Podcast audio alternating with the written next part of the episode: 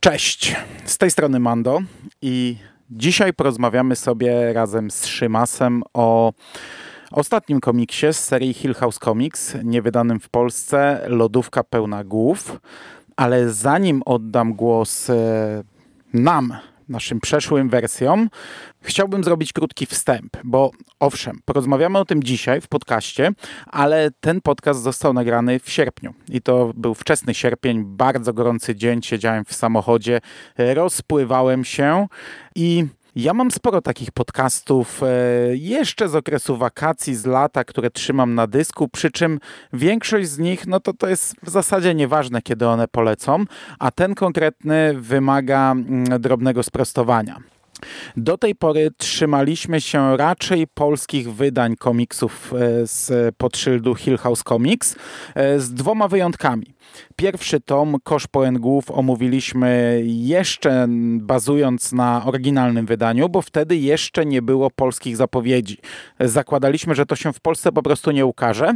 Natomiast ostatni komiks, e, czyli Sidox, też omówiliśmy na podstawie amerykańskiego wydania, bo tego po prostu w Polsce nie ma.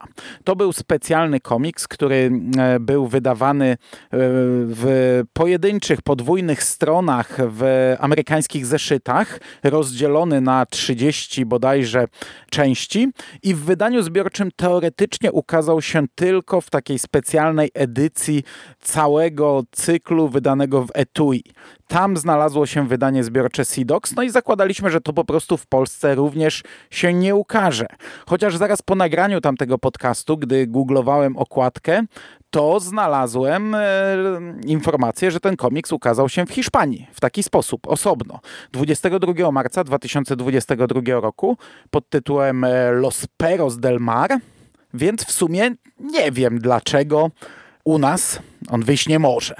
E, bo jeśli wyszedł w Hiszpanii, to bardzo możliwe, że wyszedł też w innych krajach. A nawet jeśli nie wyszedł, no to już samo to wydanie w Hiszpanii pokazuje, że można go wydać gdzie indziej również. Lodówkę pełną głów postanowiłem przeczytać w oryginale i nagrać o niej podcast e, już te ładne parę miesięcy temu, bo po prostu założyłem, że ten komiks również w Polsce się nie ukaże. I w tym podcaście my całkiem sporo o tym mówimy we wstępie. Teoretyzujemy, czy to ma szansę wyjść w Polsce, czy nie. Ja zakładam, że no raczej na pewno nie wyjdzie.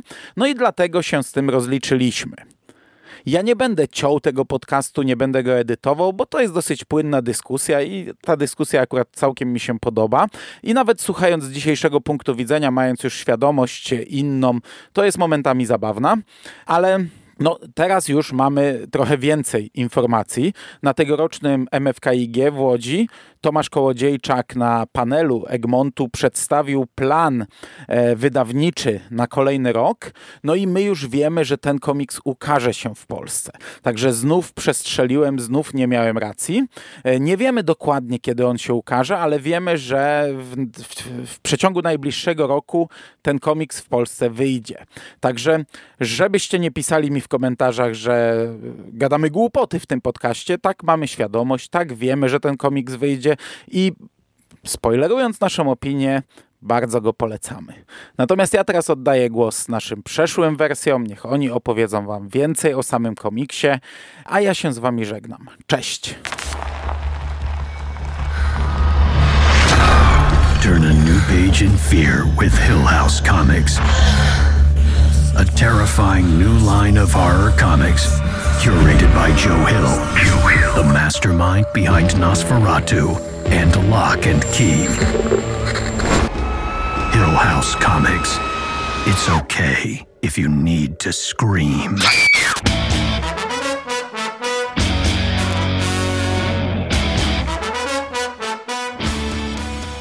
Witamy bardzo serdecznie w kolejnym odcinku podcastu Radio SK. Dzisiaj mówi do Was Hubert Spandowski, czyli Mando i jest ze mną Szymon Szymas-Cieśliński. Witam Cię bardzo serdecznie, cześć. Czomp, czomp, czomp, czomp, czomp, czomp, czomp, czomp, czomp, czomp, czomp, czomp, czomp, czomp, czomp. Cześć. Czomp. Cześć. Dzisiaj porozmawiamy o komiksie. Powracamy do Hill House Comics, do serii, która na chwilę obecną w Polsce zakończyła się. Co będzie dalej, to tak naprawdę jeszcze nie wiemy. Powróciliśmy do niej jakiś czas temu z e, komiksem Sidox, który w Polsce nie był wydany. Dzisiaj powracamy z komiksem Lodówka pełna głów, który jest sequelem pierwszego komiksu z tej serii, czyli Kosz pełen głów, komiksu napisanego przez Joe'ego Hilla, ale ten konkretny tom e, już nie jest tworzony przez Joe'ego Hilla i jest tworzony przez inną ekipę, e, których nazwisk ciężko mi nawet przeczytać. Scenariusz to Rio Ewers. To jest facet, który ma na swoim koncie dwa komiksy. Jeden to właśnie Lodówka pełna głów, drugi to Śpiące Królewny Stephena Kinga i Owena Kinga. Ale oni właśnie E, w sensie e, Rio US e, współpracuje z Kingami, bo nie tylko właśnie on im przerobił, znaczy przerobił razem z Kingiem i Owenem Śpiące Królewny na komiks, ale też widziałem, że bo Rio Ewers jest także brytyjskim autorem kryminałów i widziałem, że Owen napisał wstęp do jednej z jego książek, a Hill pisze mu regularnie blurpy na okładki, więc oni jakoś tam muszą się znać po prostu i współpracować. Mhm. Ja tych Śpiących Królewien nie czytałem. Zacząłem, przeczytałem ze trzy zeszyty. To jest okej, okay, adaptacja, nie? Tylko, że adaptacja książki, za którą ja nie przepadam. I też nie przepadam za, za komiksowymi adaptacjami książek, więc dlatego mam z tym komiksem jakiś problem. E, rysunki Tom Fowler, a kolory, co jest tutaj też istotne, bo te kolory tutaj grają bardzo dużą rolę, Bill Crabtree trudne nazwiska. E, I tak, ja namówiłem Szymasa, żebyśmy my przeczytali ten komiks, chociaż e, od momentu, gdy Egmont zaczął wydawać je w Polsce, to jednak czekaliśmy na polskie wydania. O tym, że ten komiks wyjdzie, to dowiedzieliśmy się rok temu, latem, gdy byłem na wczasach, to pojawił się ten news. E, w lipcu 2021 roku e, pojawił się news o kontynuacji Kosza Pełnego Głów, ale ten news różnił się od tych wcześniejszych tym, że zapowiadano tylko jeden komiks. Wcześniej zapowiadano jednak całą falę komiksów, no ale zakładaliśmy, że to jest tak naprawdę start drugiej fali. Znaczy nawet DC reklamowało nie ten komiks jako początek nowej serii komiksów. E, bo tak do tej mhm. pory zresztą opis wygląda na oficjalnej stronie tego komiksu w serwisie DC. E, możemy przeczytać, czy nawet dzisiaj chyba wklejałem, nie? Tam mhm. jest takie zdanie, że e, nowa fala tytułów rozpocznie się od tak, tej lodówki pełnej głów. Więc spodziewaliśmy się tak nie przez nasze widzimisię, tylko właśnie przez te zapowiedzi tak naprawdę wydawnictwa, że tych komiksów będzie więcej, no i w związku z tym, że pierwsza fala ukazała się w Polsce, no to ja spodziewałem się, że i druga u nas zawita. Znaczy, mm, ja się bardzo cieszyłem z tego newsa, bo po pierwsze, kurczę, ten tytuł jest po prostu tak fantastyczny, że, że od razu mi się gęba śmiała. Po drugie, sequel, sequel komiksu, to co, że Hill nie robi? Ja nie mam z tym problemu. E, no ale e, raczej do tej pory nie mieliśmy takiej sytuacji, sytuacji, żeby mieć sequel, e, mówię o moim poletku, Kinga -hmm. czy mhm. Hilla. Po trzecie mówię druga fala, jak fajnie, nie? Zrobi, wypracowaliśmy sobie tutaj naszą serię podcastów, mówię tylko teraz czekać na resztę tytułów, znów nagramy pierwsze wrażenia z pierwszych zeszytów, potem na kolejne sześć podcastów, fantastycznie, nie? Byłem, byłem zachwycony. No niestety na tym temat zdechł. Nie wiem dlaczego. Ten komiks zaczął wychodzić w październiku 2021, wyszło sześć zeszytów i nic więcej, żadnych zapowiedzi nie ma. Ja podejrzewam, że może ten komiks ukaże się się w Polsce. Trochę byłem zawiedziony, że on się nie pojawił w e, katalogu e, Egmontu w żadnych zapowiedziach, ale też e, on tam nie miał prawa się pojawić, bo wydanie zbiorcze w Stanach jeszcze nie wyszło. A Egmont raczej zapowiada rzeczy, których już ukazały się trady, wydania zbiorcze. Tutaj na razie wyszły wydania zeszytowe, więc w sumie może mogliśmy czekać, ale ja podejrzewam, przy czym ja nie powinienem podejrzewać, bo wielokrotnie wykazałem się niewiedzą w przewidywaniu e, rynku wydawniczego w Polsce. Podejrzewam, że oni mogą tego jednak nie wydać. No okej, okay, wydali pięć komiksów, e, teoretycznie wszystkie wchodzące w skład pierwszej fali, ale zakładam, że jeśli to był mm, e, cykl, to oni pewnie kupili prawa do cyklu, do wydania całości. Tutaj mamy jeden komiks. Pytanie, jak to się sprzedało w Polsce. I na to pytanie nie odpowiemy. Jeśli sprzedało się dobrze, no to pewnie dostaniemy polskie wydanie. Jeśli nie, to nie sądzę, żeby to się w Polsce jednak ukazało. Ale tu jest więcej pytań, Mando. No przecież przy wydawaniu czasami się zawiera umowy, gdzie po prostu wydaje się coś, jeżeli wyda się coś jeszcze i tak dalej. Nie, to jest DC. Egmont wydaje dużo tego DC, może gdzieś tam przy okazji kupowania różnych innych licencji by i to dostali, e, czy na własne życzenie, czy nawet niekoniecznie na własne życzenie.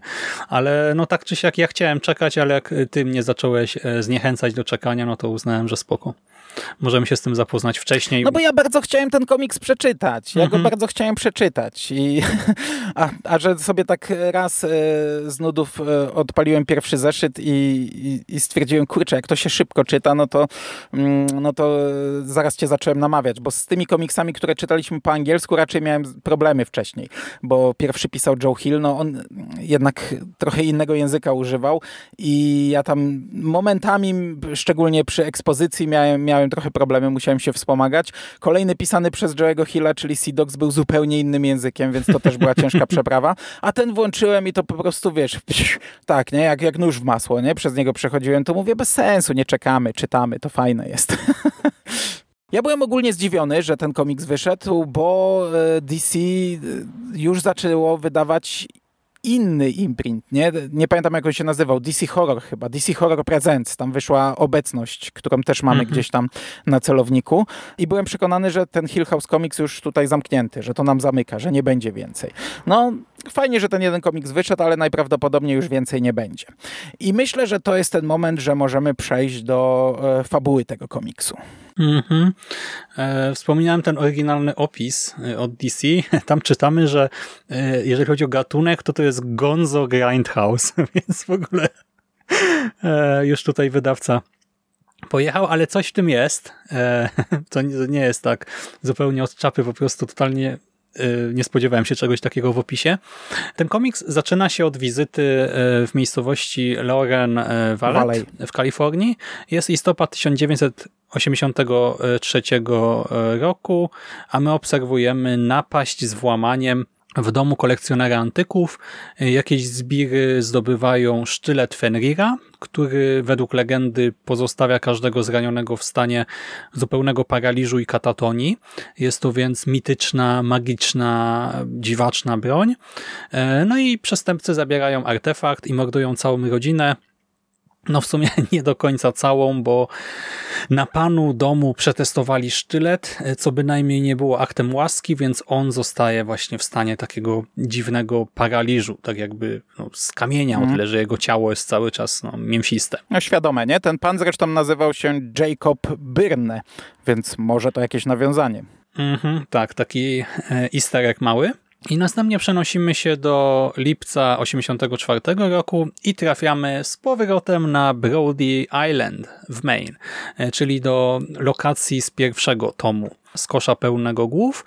Pan i pani Marshall, a tak właściwie to Kelvin Beringer i Arlene Fields, dwójka, e, nie wiem, no 30-paroletnich e, ludzi przybywa na wyspę rzekomo w celu pracy Arlin nad jej nową powieścią. Wiecie, taki pisarski urlop z dala od hałasów i światła e, wielkiego miasta, a tak naprawdę no, mają tam jakąś inną, inne sprawy do załatwienia i też szybko wpadają w tarapaty, Najpierw Kal e, spisuje tablice rejestracyjne motocykli lokalnego gangu, e, czym ściąga na siebie uwagę członków tego gangu, a następnie oboje, e, czyli Calvin i Arlene, odnajdują topór, który właśnie od masakry w trakcie huraganu w 1983 kiedy to na wyspie posypały się głowy, e, leżał na dnie e, rzeki lokalnej.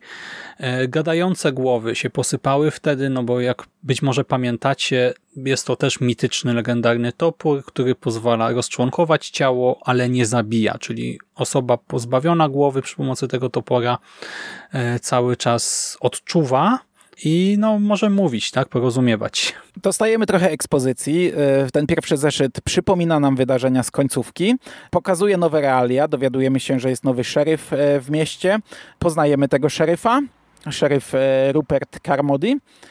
No i zeszyt na samym końcu nie pozostawia wątpliwości, czym będzie ten komiks. Bo wcześniej zostaje zatizowany rekin i ten rekin wkracza na scenę i mamy walkę z rekinem, ostatecznie przy użyciu topora, krwawą walkę i odpada głowa rekina, która, tak jak tutaj Szymas zapowiedział, żyje sobie nadal przez całą resztę komiksu. E, dokładnie tak, ta głowa żyje i stąd dzisiejsze powitanie, bo ta głowa przez resztę komiksu y, cały czas to się głowa, to są szczęki rekina, tak, tam z fragmentem, nie wiem, czaszki, jeżeli tak to można ująć. Y, i te szczęki cały czas się y, zamykają, tak, próbują coś pożreć i wydają ten dźwięk cząp, cząp, cząp i on czasami jest bardzo istotnym elementem kadru, dlatego właśnie tak zapadł mi w pamięć. Cząp, cząp, cząp. No w sobie ciekawe, jak działa to, która część odcięta żyje, bo to nie zawsze jest głowa, tu w końcówce mamy przecież przecież motocyklistę, któremu e, on, kobieta ścina twarz i ta twarz nadal żyje, a też mamy bohatera, który został przekrojony tak jakby w pół. E, czyli to chyba trzeba założyć, że mniejsza część żyje, większa nie żyje, większa odpada. Mm, no, dobra.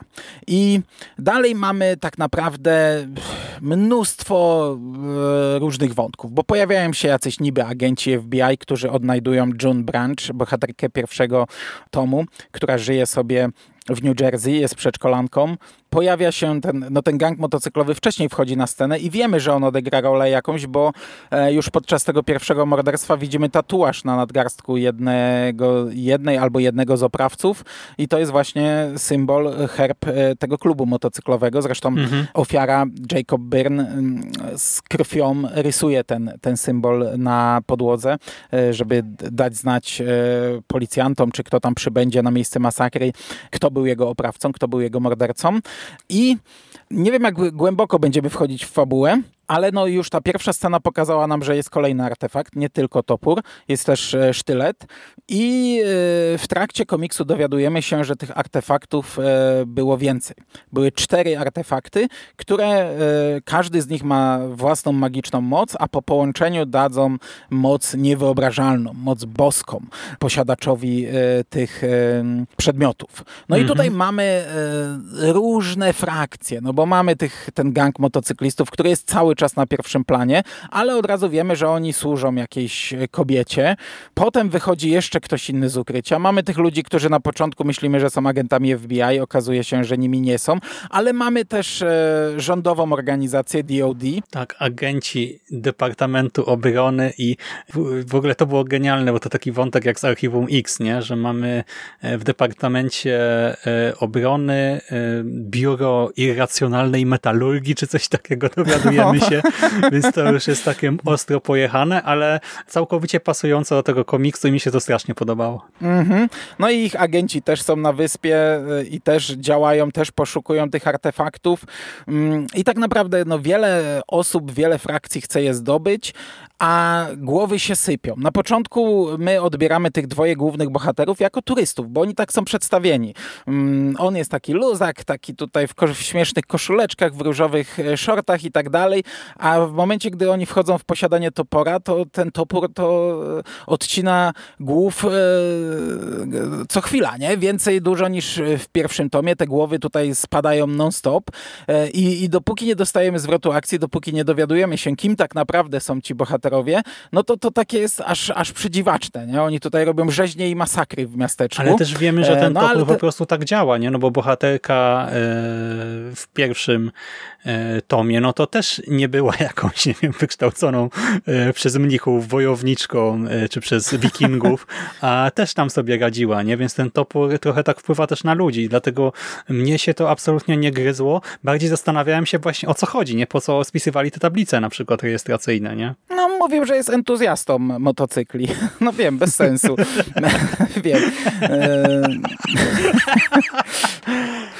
ale tak, żeby, żeby nie iść za daleko, bo e, sprawy się komplikują dość mocno, ale tak naprawdę ta fabuła nie jest jakoś bardzo skomplikowana, ona jest prosta.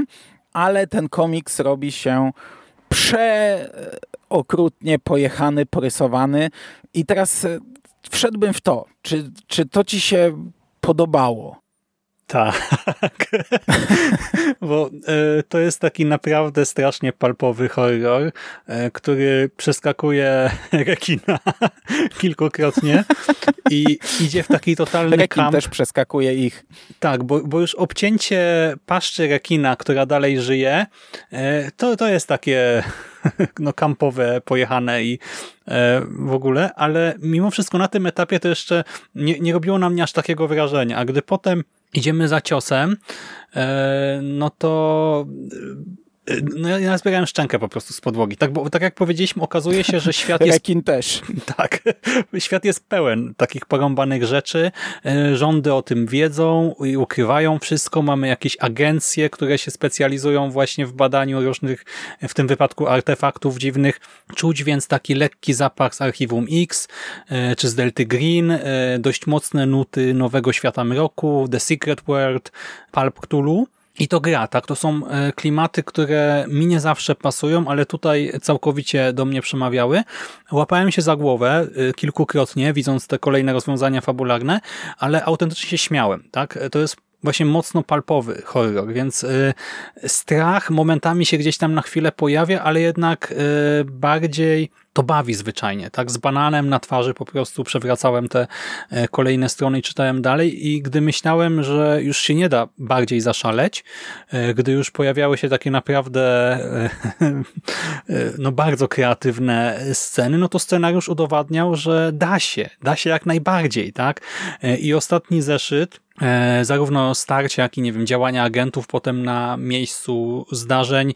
E, no ja ci powiem, że gdy to oglądałem, czytałem, to dławiłem się śmiechem, po prostu to, to są tak poryte akcje, ale tak właśnie fajne, tak kreatywne, tak e, nietypowe i do tego jest pewnego rodzaju foreshadowing tego, co się dzieje potem w końcówce, a, a mimo wszystko, jak to wszystko, jak dostawałem te poszczególne elementy, to wiesz, był cały czas efekt wow, nie? Takie, Boże, co, co oni wymyślili, tak? Jezu, jakie to jest głupie, ale fajne, tak?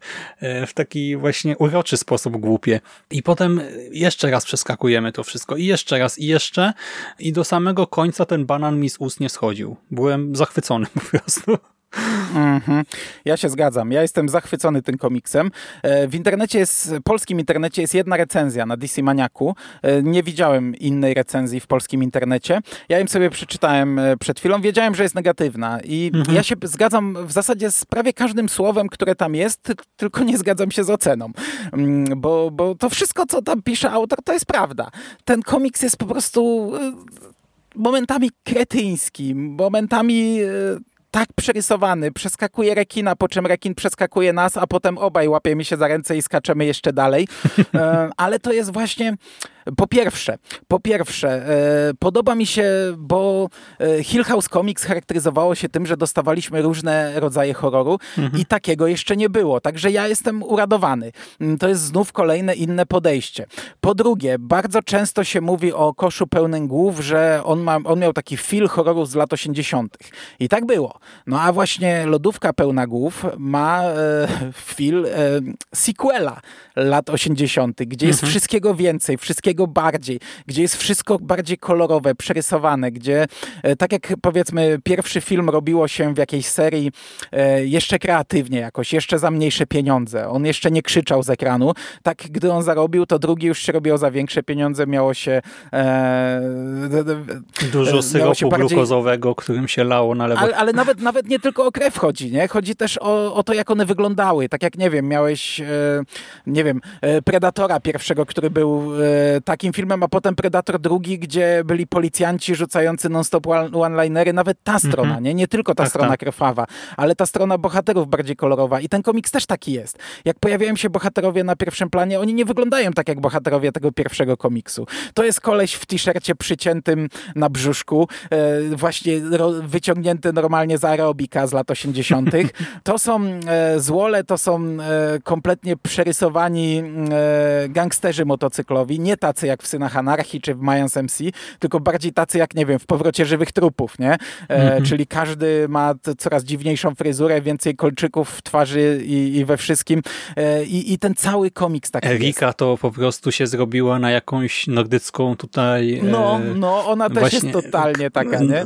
E, kolorystycznie, a, mhm. ale temu chciałbym osobny blok poświęcić. Kolorystycznie on też taki jest właśnie. Bije nam różami, czerwieniami, wszelkimi możliwymi kolorami. Także mnie się to podoba. Ja nie zawsze przepadałem w filmach za, takim, e, za takimi sequelami, gdzie pierwszy był klimatyczny, a drugi był e, po prostu, wiesz, e, landrynkowy, nie? W mhm. tym sensie, że no, wszystko biło, wszystkiego więcej, wszystkiego mocniej. Jak tam spadło 10 głów, to tu spadnie 30, nie? Jak tam wylały się 7 wiader wody, to tutaj wylejemy 70, nie?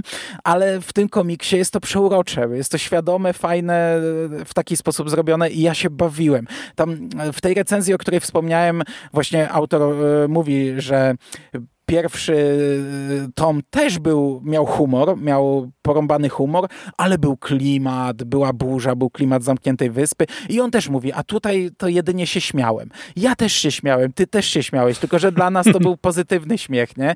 E, no. Mnie cieszyło takie podejście. Tutaj, no, no, umówmy się, już tytuł nam mówi, że, że to będzie trochę porąbane, bo ten tytuł już jest dosyć porąbany tego komiksu. No i to jest sequel, nie? Już nie ma tej tajemnicy takiej na zasadzie właśnie o co chodzi, tak, z tymi głowami, z tym toporem, mhm. więc Ale też... nawet, wiesz, nawet ten artefakt, to też jest element sequela filmów z lat 80., gdzie mhm. mieliśmy coś potężnego w pierwszej części, a druga część nam mówi, okej, okay, to jest potężne, ale są jeszcze trzy takie rzeczy. Każda tak samo potężna, a jakie połączymy, to będziemy mieli potęgę nad potęgi, nie? To mhm. też jest taki element, który się powtarzał w wielu sequelach, nie? Tak jak mówił Randy w Krzyku, wszystkiego więcej, wszystkiego bardziej, nie? Mhm. I, I, mi to absolutnie nie przeszkadza właśnie. No, no, no mi też nie, mi też nie. Yy, ja, ja rozumiem, to nie jest taki horror jak ten pierwszy. Ten pierwszy był, miał fajny humor, ale był yy, oprócz tego też fajnym horrorem. To jest zupełnie co innego. Ale ja się cieszę, że dostałem zupełnie co innego, a nie drugi raz to samo. I też... Yy to wszystko jest strasznie przemyślane tutaj, bo to nie jest tak, że po prostu nie, nie było pomysłu tak na sequel, więc postanowiono robić sobie jaja, tylko e, to pójście w kamp jest potwornie świadome, bo widać po pierwsze rzeczywiście jest foreshadowing kilku pojechanych scen e, z tych ostatnich zeszytów. Jak się wróci do pierwszego, drugiego, trzeciego, to tam widać zajawki tych elementów, a po drugie też e, właśnie tutaj jest inny trochę przeciwnik, nie? bo jednak jedynka miała ten dziwny artefakt, ale to było jednak starcie ze złymi ludźmi po prostu. A tutaj mhm. pojawienie się tych innych artefaktów, e, dodanie tego wątku takiego fantastycznego, magicznego wręcz e, sprawia, że E, no właśnie ta skala zagrożenia wzrasta. To nie jest po prostu jakiś zły e, gangster po drugiej stronie barykady, tylko to są ludzie wyposażeni e, w dziwne, magiczne, potężne przedmioty. Tak jest. I też tutaj mamy trochę takiego horroru cielesnego, nie tylko związanego z tym obcinaniem głów, czy tym paraliżem na przykład wspomnianym, tylko z pewnego rodzaju mutacją ciał. I w związku z tym mamy sceny, gdzie naprawdę po prostu e, mam jakieś hektolitry krwi, które zalewają e, ekran w danym momencie, gdzie e, trzeba, nie wiem, wjechać w kogoś czy w coś, e, żeby w ogóle to, to coś, coś zranić i tak dalej i to w jaki sposób to jest rozegrane, to naprawdę wywołuje taki efekt wow, tak? Przez, przez to, że to jest drobna historia cały czas, bo jesteśmy, na, to, to nie jest zagrożenie na skalę światową, to nie jest ratowanie świata, to nie jest apokalipsa, e, nic takiego, to jest walka kilku postaci z jednego ugrupowania, drugiego, trzeciego, czwartego powiedzmy, jakich tak już podzielimy na mniejsze grupy i to są, jest walka jednostek, tylko wyposażonych właśnie w te przedziwne sprzęty i y, mimo tego, że to jest kameralna historia, to jednak ta skala właśnie y, rozwałki jest potężna. No, dwa ostatnie zeszyty to już jest po prostu to jest puszczenie się peronu, to jest jazda bez trzymanki. Tutaj mamy te cztery artefakty. Topór wiemy jak działa, sztylet powiedziałeś jak działa, mamy jeszcze miecz, którego działanie jest proste. Gdy zranimy daną osobę, gdy wbijemy go w daną osobę, to przejmujemy jej e, doświadczenia, jej wiedzę, e, dowiadujemy się tak naprawdę tego, co ona wie. To też jest pokazane. Jedna scena jest pokazane działanie tego miecza, też jest bardzo fajnie zrobiona i bardzo fajnie pokazana. No i mamy pas, który, gdy bohaterka przedstawia nam te artefakty, to mówi, że e, no, on jest potężny, ale aż mi się nie chce wierzyć, że tak działa i tak naprawdę nie wiemy, jak on działa, nie? I w pewnym momencie ten pas wchodzi na pierwszą scenę i, e, i, i bierze go osoba, która już jest e, po działaniu topora i po działaniu wielu innych czynników przyrody jest po prostu takim żywym zombie. I, i w momencie, gdy bierze ten pas, to, to po prostu ja otworzyłem dwustronnicowy taki kadr podzielony na różne kadry, ale to tak w całość, to wszystko przelewało się między sobą, prze, tam jedno przez drugie przepływało i mówię wow, nie? wow. Tak, ale to wszystko jeszcze czerpie z mitologii nordyckiej rzeczywiście, nie? To nie są takie rzeczy wymyślone tak tu i teraz, tylko to nawiązuje do konkretnych postaci po prostu z mitów, e, więc e, można się było spodziewać nawet w gruncie rzeczy tego, co się tutaj dzieje, no ale też z drugiej strony mity nordyckie nie są aż tak popularne u nas, nie? więc większość osób pewnie w ogóle nawet nie, nie będzie kojarzyć tak, tych postaci. Hugina, Munina, Fenrira, tak, Jormungandra i tak dalej. Mm. A potem jak mamy już ostatnią akcję, gdzie wykorzystujemy znów głowę rekina przyczepioną do, do samochodu i, i, i to, co tam się dzieje, jak jedno walczy z drugim, jak ten pas przelatuje, jak w ogóle ten pas spada w pewnym momencie. to, ja, to ja się kulaję ze śmiechu. Mówię, co się dzieje, nie? No bo zdjęli pas e, z tego złola, ten złol znów stał się tym fragmentem ciała w wersji zombie i coś za nim się tworzy, powstaje jakiś wąż. Mówię, o co chodzi, co tam się dzieje? I mamy takie oddalenie kamery, to ja się po prostu kulałem ze śmiechu. Mówię, wow, nie? tak, ale ja tak samo po prostu E, znaczy, e, to było bardzo logiczne, nie? W sensie powinniśmy się tego spodziewać, ale, e, ale nie, ale tam się dzieje tyle innych rzeczy, że totalnie zgłupiałem jak to zobaczyłem, to też zacząłem klaskać po prostu, wiesz, śmieję się na głos i myślę sobie, no, pojechali. O, frajda niesamowita no, i to też... Także, e... także pod tym kątem to jest naprawdę bardzo fajnie zrobione, bo tak jak powiedziałem, ja nie jestem fanem, w, w, jak, gdy filmowo tak się e, robiło. Tak jak tutaj przywołałem Predatora, ja na przykład nie lubię Predatora 2. E, właśnie przez to, jak on jest bardzo e, z lat 80., jak bardzo w tym siedzi, tak bardzo, bardzo, aż, aż, aż za bardzo dla mnie. Ja na przykład tak jak, mm, nie wiem, Obcy 2 zawsze bardzo lubiłem, ale on też pod tym kątem e, to jest jakiś minus, bo wiesz, pierwszy Obcy miał taki klimat, a w drugim masz komandosów, którzy mówią jak to komandosi w tamtych latach, nie? Mhm. Którzy tutaj się podciągają, jakieś cygaro palą, te dyskusje między sobą prowadzą, strzelając. Także to też jest, e, może w mniejszym stopniu, ale jest. Ja nie byłem fanem filmowo takiego przerysowania, a gdy próbuje się to jeszcze bardziej przerysować, to w ogóle ja za tym nie przepadam. Ja nie przepadam za parodiowaniem lat 80., mm, dlatego nigdy nie obejrzałem do końca i, i nie jestem fanem tego filmu, który tam w internecie mm, święcił triumfy swego czasu, nawet już nie pamiętam jaki on miał tytuł, mm, z Davidem Hasselhoffem chyba. A tutaj, tutaj bawiłem się przednio. Tutaj to jest fantastycznie zrobione. Tutaj to jest tak zrobione, że to jest, że, że dla mnie to jest właśnie frajda, taka e, czysta, świadoma e, zabawa tym, nie? Tak, wypaliło całkowicie i bardzo dobrze współgra też z warstwą e, wizualną. I akurat, wiesz, bo wspomniałeś Kung Fury, ale Kung Fury... Och, e, Kung Fury. Też właśnie im krótsze, tym lepsze, nie? Bo tak naprawdę robienie z tego takiej dużej fabuły sprawia, że ten humor się rozlewa, a reszta to są takie filery trochę, nie? A tutaj jednak tej akcji jest na tyle dużo, że są jakieś tam pojedyncze momenty przestoju, gdzie jest na przykład trochę więcej ekspozycji tego lore całego e, związanego z artefaktami czy z postaciami, ale mimo wszystko raczej ta akcja pędzi do przodu. Nie? Tutaj mm, ten pierwszy, drugi zeszyt są jeszcze może odrobinę spokojniejsze, ale, ale nie, nawet w sumie już w tym pierwszym, drugiej połowie tak walimy po prostu. W... Tak, on już mocno jedzie ten pierwszy już pod koniec to już, no już nie pozostawia złudzeń żadnych. Dlatego to absolutnie nie przeszkadza, tak? bo to, to nie jest na zasadzie głupota między poważnym, nudnym scenariuszem, tylko to jest jazda bez trzymanki od początku do końca praktycznie.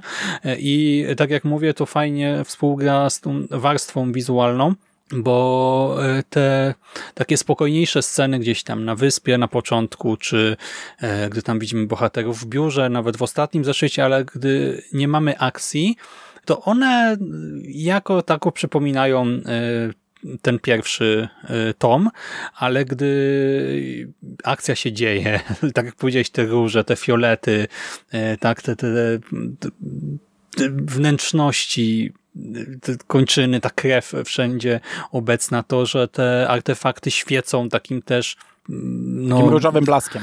Mhm. Tak, różowym, czerwonym y, blaskiem. Y, to, to, to, wszystko przypomina trochę Paper Girls, trochę Stranger Things, nie? Mhm. Ja się zgadzam, bo te rysunki są dość podobne tak naprawdę e, w stylu do, do tych pierwszych. Są bardziej przerysowane, ale nie na zasadzie, e, że flaki to też, ale nawet twarze postaci. One są takie bardziej mm, pojechane. Mhm. Jak masz e, tych agentów FBI, no to to takie, wiesz, długa szczęka, jakieś takie, takie jeszcze bardziej nienaturalne, nie? Mhm. A przynajmniej ja tak, te, te, taki obraz trochę miałem, mam w pamięci tego pierwszego tomu, że one są dość podobne kolorystycznie właśnie w tych scenach wyspy i tak dalej. Także mnie się te rysunki tutaj podobały, a gdy dochodzi już do rzezi, to one są tutaj fantastyczne. Dla mnie ten komiks wizualnie jest super. Ja wiem, że tutaj do, do ta warstwa kolorystyczna też jest bardziej, mocniej, więcej, nie? Tak jak mówię, mm -hmm. różowe spodenki, e, te, te kolory nawet w tych scenach, gdzie nie ma rzezi, są, e, są takie E, takie mocne, a, a, a w momencie, gdy znaczy, dochodzi są, do... One są pastelowe, ale je, no, jest no, no dużo no, ale... właśnie, jakiś tu błękit, tu zieleń, tu róż, tak, mm -hmm. żeby zawsze coś dominowało. No, nie wiedziałem jak to ubrać, dzięki. Mm -hmm. Mm -hmm. A w momencie, gdy mamy jakieś, jakąś rzeź, no to to jest czerwień po prostu na, na we, wszelki, we wszelkich odcieniach bije z ekranu, nie? Bywa, że masz całą stronę, dosłownie całe tło czerwone, nie? I gdzieś tam jelita różowe, jakieś e, inne fragmenty ciał w trochę innym odcieniu. Mm, machnięcie topora pozostawia tą poświatę e, też w tych barwach. E, osoba trzymająca topór cała jest pokryta krwią, bo już to nie, nie, jej nie pierwsze rodeo e, w tym komiksie.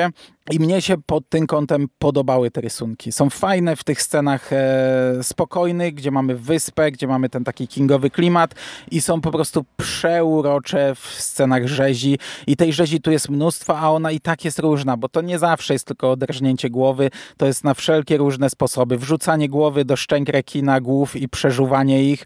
Do tego jeszcze, tak jak ty zacząłeś od tego czam, czam, czam, to to też jest e, element charakterystyczny, bo tutaj te, nie pamiętam jak to się nazywa, te napisy mm, imitujące dźwięki, to one po prostu są na zasadzie ile się da zmieścić, a jak już zmieściliśmy do końca, to upchnijmy je jeszcze nogą albo toporem i dopiszmy jeszcze kilka. I są takie całe strony, całe kadry, gdzie widzimy flaki, krew, fragmenty ciał, wszystko i to wszystko jest otoczone takim naprawdę takim zbitym, takim zgniecionym, jakimś właśnie bum bum, czom czom, tam tam i innymi takimi, nie? I tego jest mnóstwo. I to też jest zazwyczaj czerwone albo różowe, albo w jakichś odcieniach tego. To, to... Ale to dobrze oddaje ten klimat, nie? Bo, bo to są te szczęki, które tak. się nieustannie zamykają, bo to jest rekin, który nie wie, co się dzieje, tak? Chce coś zaatakować, chce się ruszyć i po prostu dostał takiej padaczki ala.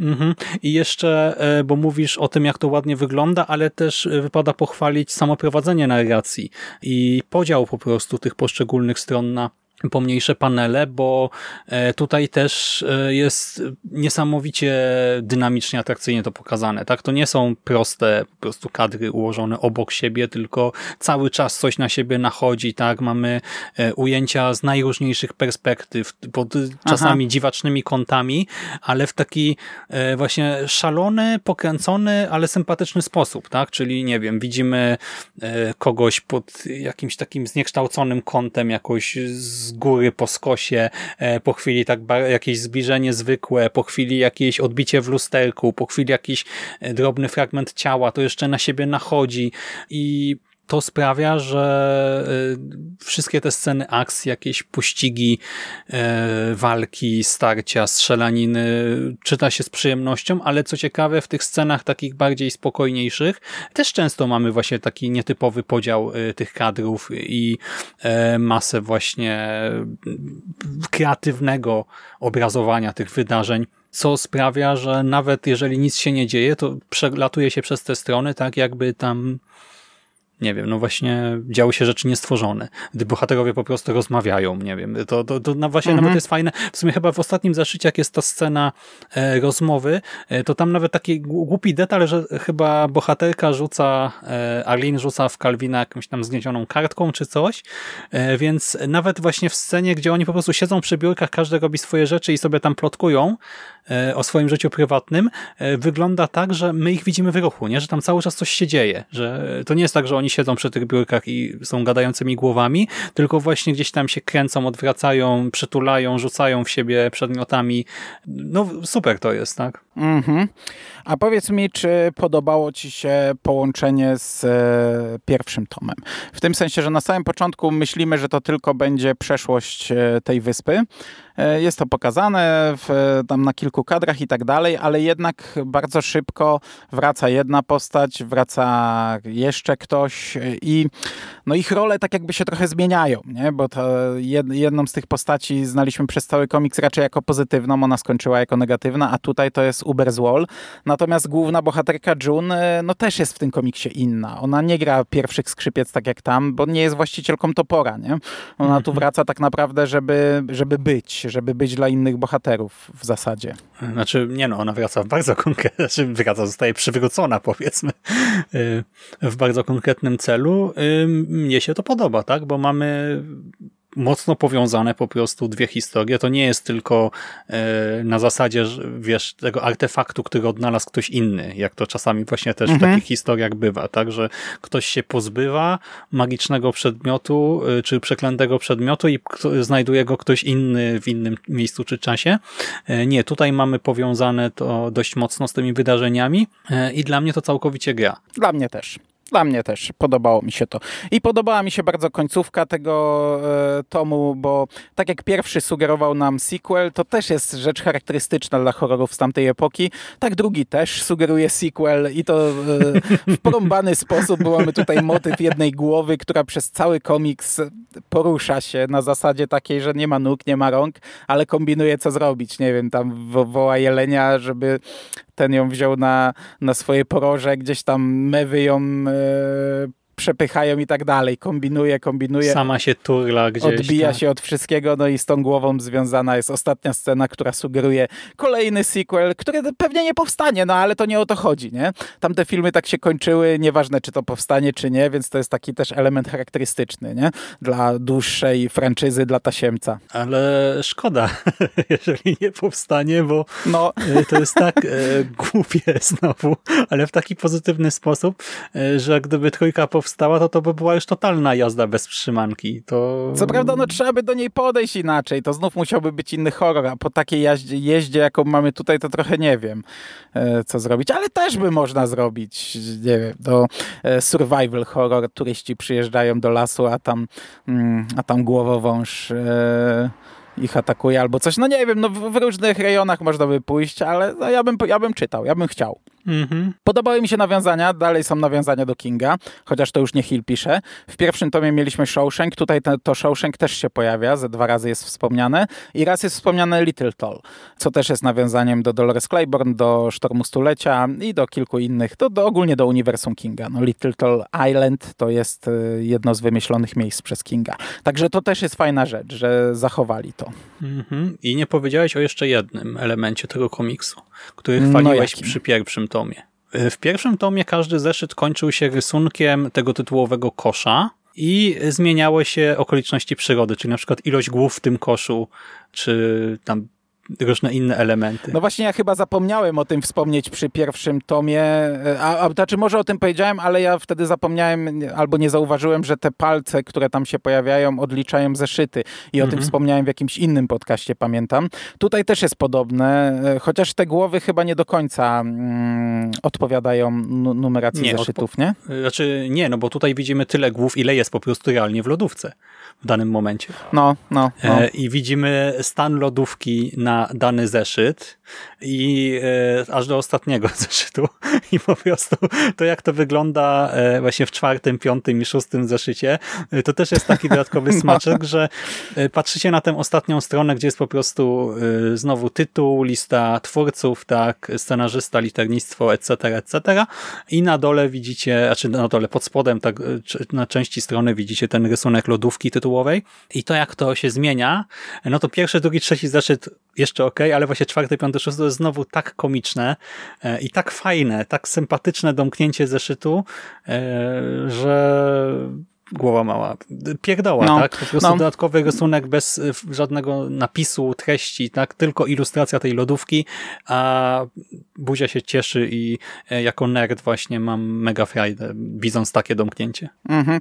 Ja mówię, bo, bo w pierwszym tomie też liczba głów odpowiada liczbie głów z komiksu, które znajdują się w koszu, ale tam jeszcze dodatkowo numeracja zeszytów pojawiała się w postaci palców, czyli mhm. na przykład, nie wiem, ręka pokazywała kciuk albo e, dwa palce, albo fakol kolca i tak dalej, nie? Tutaj y, ja tego wypatrywałem i, i nie znalazłem. Może znów nie zauważyłem, albo po prostu tego nie było. Ale faktycznie to jest fajne. W pierwszym zeszycie mamy zamkniętą lodówkę i tylko e, tam trochę krwi i ząb rekina, a potem jak to rośnie w, w tempie geometrycznym, e, to jest e, też fajne. Też mi się to bardzo podobało. Po każdym zeszycie sobie to oglądałem, nie? To jest tylko strona z twórcami.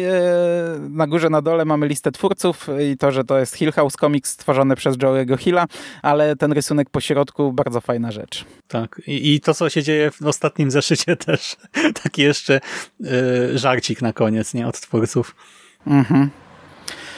No dobra, no to podsumowując, e, ja jestem mega zadowolony. Ten komiks to była mega frajda. Nie jestem w stanie go w rankingu umieścić, bo każdy z tych komiksów jest inny, tylko że musicie wiedzieć, na co się piszecie. Jeśli się będziecie oczekiwać horroru, który was jakoś przestraszy, czy coś, chociaż ja nie lubię takiego podejścia do horroru, no to pewnie się rozczarujecie. Jeśli będziecie się oczekiwać powtórki z rozrywki po Ale pierwszym mówisz, tomie, jeżeli będziecie się... się... oczekiwać, już drugi raz powiedziałeś. No, bo jest gorąco w samochodzie. Jeśli będziecie oczekiwać powtórki z rozrywki po pierwszym tomie, to się rozczarujecie. Natomiast y, jeśli kupi was taka zabawa... Ale tylko trochę. No, jeśli kupi was taka zabawa takim horrorem, a kurczę, no mnie kupiła i jeśli macie podobny gust do mojego, to będziecie się bawić jak świnie po prostu. Będziecie się radować tym komiksem i, i, i z gębą e, uśmiechniętą go czytać, to ja go jak najbardziej polecam. Ja absolutnie też, e, no naprawdę uśmiałem się jak głupi. I tak jak początek po prostu był dla mnie spoko, na zasadzie fajna, intrygująca e, historia, tak te kolejne zeszyty no, podziałało jak magnes na po prostu jakieś stalowe opiłki. Przylgnąłem do tego i, i to może e, z jednej strony to nie jest e, zeszyt, zeszyt, tom, do którego bym sześć zeszytów tom, do których bym wracał tak, żeby nie wiem, odkrywać tę historię na nowo pod kątem analizy jakiejś, ale myślę, że ten, e, jeżeli wrócę do tych zeszytów i przeczytam je po prostu tak e, dla rozrywki za jakiś czas, to że nadal będę się doskonale bawił, bo e, te pojechane zwroty akcji i walki są epickie, tak? I one będą epickie nadal, tak? Mimo, że będę wiedział, do czego to zmierza, to i tak myślę, że to może być akurat rzecz, do której można wracać na zasadzie jak do fajnej komedii, czy właśnie fajnego filmu akcji. Mhm. Zgadzam się. Też pewnie nie będę wracał, ale jakbym wrócił, to pewnie też się będę bawił. No i tak jak to sequel, ten komiks pewnie sprawdziłby się też samodzielnie, bo jednak to, co istotne, jest tu przypomniane. No, warto znać, dobrze znać, bo wracają bohaterowie, nawiązuje się do wydarzeń, ale jest to taka historia, że jakby ktoś nie znał i przeczytał tylko ten tom, to też się pewnie będzie bawił. Hmm, pewnie tak. O, i dochodzimy do końca i e, właśnie szkoda, nie, że na razie nie ma tych kolejnych informacji. Wspomniałeś o tym e, Horror Presents, e, ale ta seria też jakoś e, bardzo się nie rozwija. E, wspomniałeś o tym, e, nie wiem, chyba trzyzeszytowej serii Conjuring, nie?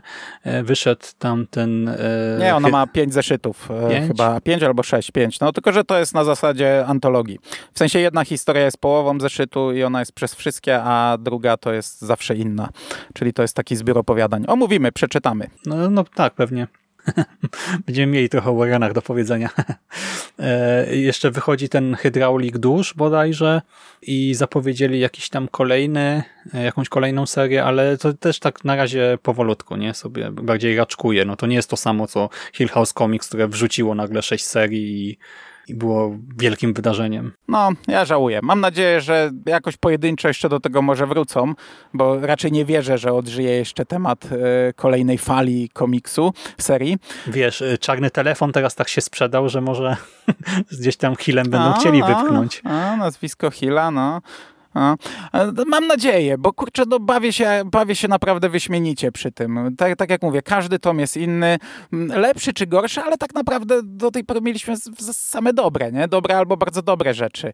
I nawet jak się trafi jakaś zła, to, to, to, to i tak ją chętnie przeczytam, byleby to, to było cały czas właśnie jakieś fajne podejście, fajne inne podejście do horroru, albo nawet takie, które znamy, ale przetwarzające coś na nowo. No, mnie się to fantastycznie czytało i fantastycznie nagrywało Cieszyłem się, że mamy jakąś taką swoją serię podcastów do Radia SK, którą możemy co jakiś czas e, kontynuować i, i szkoda. Jeśli to się zakończy, zamknie, to szkoda, no ale dostaliśmy siedem komiksów mhm. dobrych. No właśnie, bo w sumie żaden nas nie zawiódł, nie? Tak, żebyśmy marudzili strasznie. No. No. No dobra, to tym pozytywnym akcentem i nadzieją na kolejne e, tytuły e, w serii, tak, e, w tej drugiej no fali. Zakończ, zakończ podcast, bo dziś nie przejąłeś chyba inicjatywy. Nie, no tak, ostatnio. Więc wiesz, Dzień Dziecka może minął, ale... Dzisiaj czuję się trochę jako prowadzący nadal, chociaż już kończymy. No dobra, no. dobra. Dziękuję Ci bardzo za tę rozmowę, Szymasie. Dzięki. Cząp, cząp. cząp. I do usłyszenia w przyszłości. Cześć. W następnym nawiedzonym podcaście. Cześć.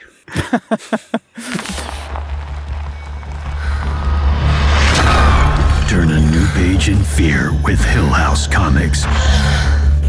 A terrifying new line of horror comics curated by Joe Hill, Joe Hill. the mastermind behind Nosferatu and Lock and Key.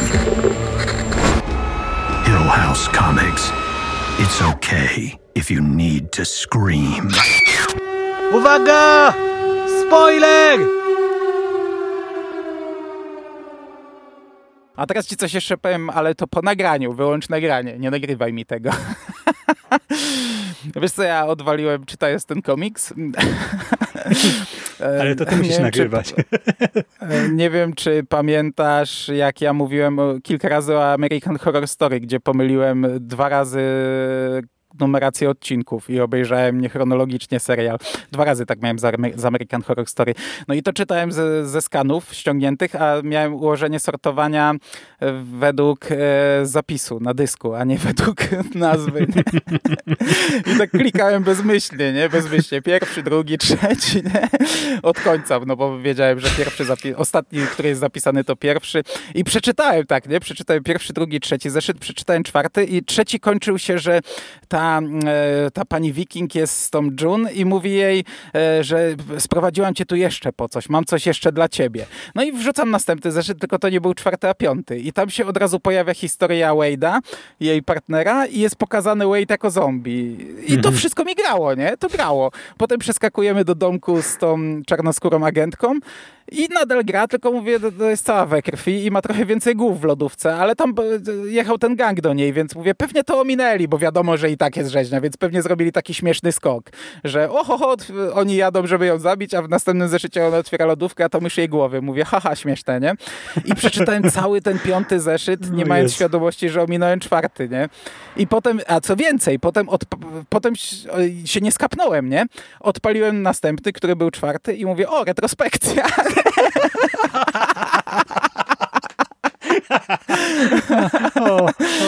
I tak sobie czy, czytam, czytam i mówię, mówię, no dobra, to mi nawet gra, jako że teraz pokazują, że ten jej partner zginął, że teraz pokazują tę strzelaninę, to gra, ale mówię, ale na cholerę jest, są te sceny z June. Przecież ona już wie, że jej partner żyje, on już zresztą złapał pas i zamienił się w tego stwora, już z nią biegnie mówię, to mi nie gra, nie? Na cholerę to. I wtedy tak patrzę, o Jezu, czwarty zeszyt, nie?